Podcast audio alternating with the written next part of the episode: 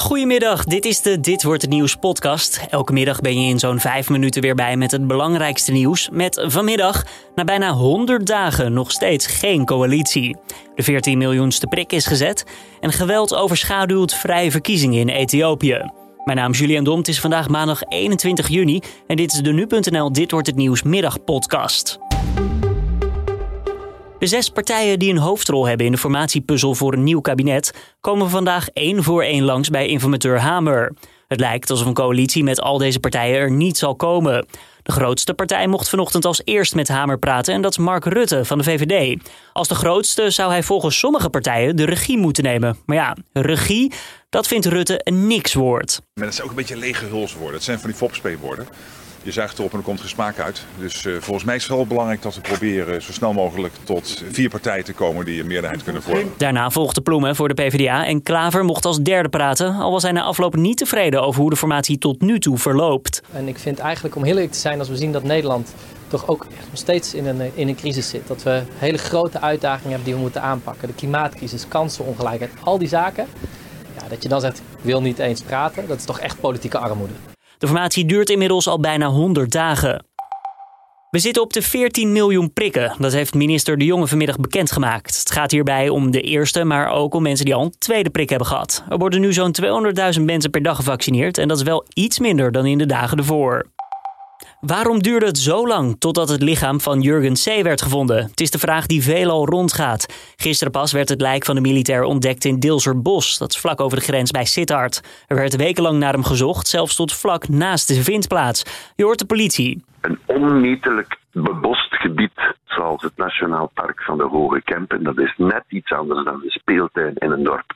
Maar op een bepaald moment natuurlijk, je moet je er ook rekening mee houden. Je kan niet blijven zoeken. Er zijn mensen die het uiterst vreemd vinden dat het lichaam van de militair niet eerder ontdekt is. En ook dat het uiteindelijk de burgemeester van het gebied was die de vondst deed. De partner van de militair houdt ondertussen een dubbel gevoel over aan de situatie nu de man levenloos is aangetroffen. Dat vertelt haar advocaat op het Belgische Radio 1. En uh, ja, op dit ogenblik uh, zit ze natuurlijk met een dubbel gevoel. Enerzijds is zij natuurlijk opgelucht dat er eindelijk duidelijkheid in is gekomen. Maar anderzijds is hij natuurlijk ook volledig in rouw. Sinds de zoektocht begon is in een storm terechtgekomen, laat de advocaat weten. Een grote hoeveelheid tropisch hardhout is door de politie in beslag genomen. Het gaat omgerekend om zo'n 40 vrachtwagens vol aan azobehout, bedoeld voor Nederlandse houtimporteur. Een duurzame soort, maar wel aan de prijs als die tenminste legaal gekapt wordt. En dat is vermoedelijk niet het geval bij deze partij, die afkomstig is uit Afrika en nu wordt vastgehouden in de haven van Antwerpen. Wat er uiteindelijk met het hout zal gebeuren is aan de rechter. Ethiopië kiest vandaag een nieuw parlement. Het moeten de vrijste verkiezingen worden in de geschiedenis van het land. Maar de stembusgang wordt overschaduwd door hongersnood en oorlog. In de noordelijke deelstaat Tigray kan de bevolking daar de komende maanden nog niet eens een stem uitbrengen.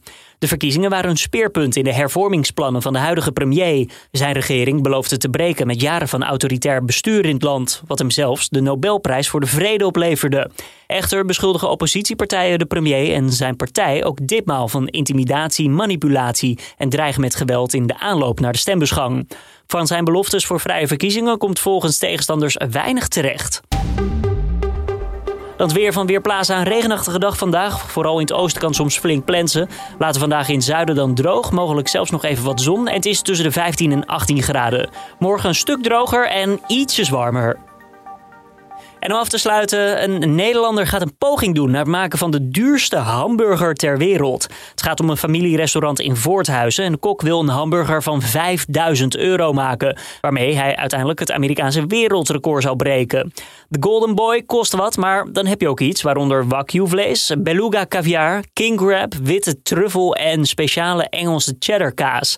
28 juni is de Guinness World Records poging. Die burger van 5000 euro gaat de proefpersoon trouwens wel met zijn handen eten. Er zit ook nog eens bladgoud op, dus daarna heeft hij gouden vingers om af te likken.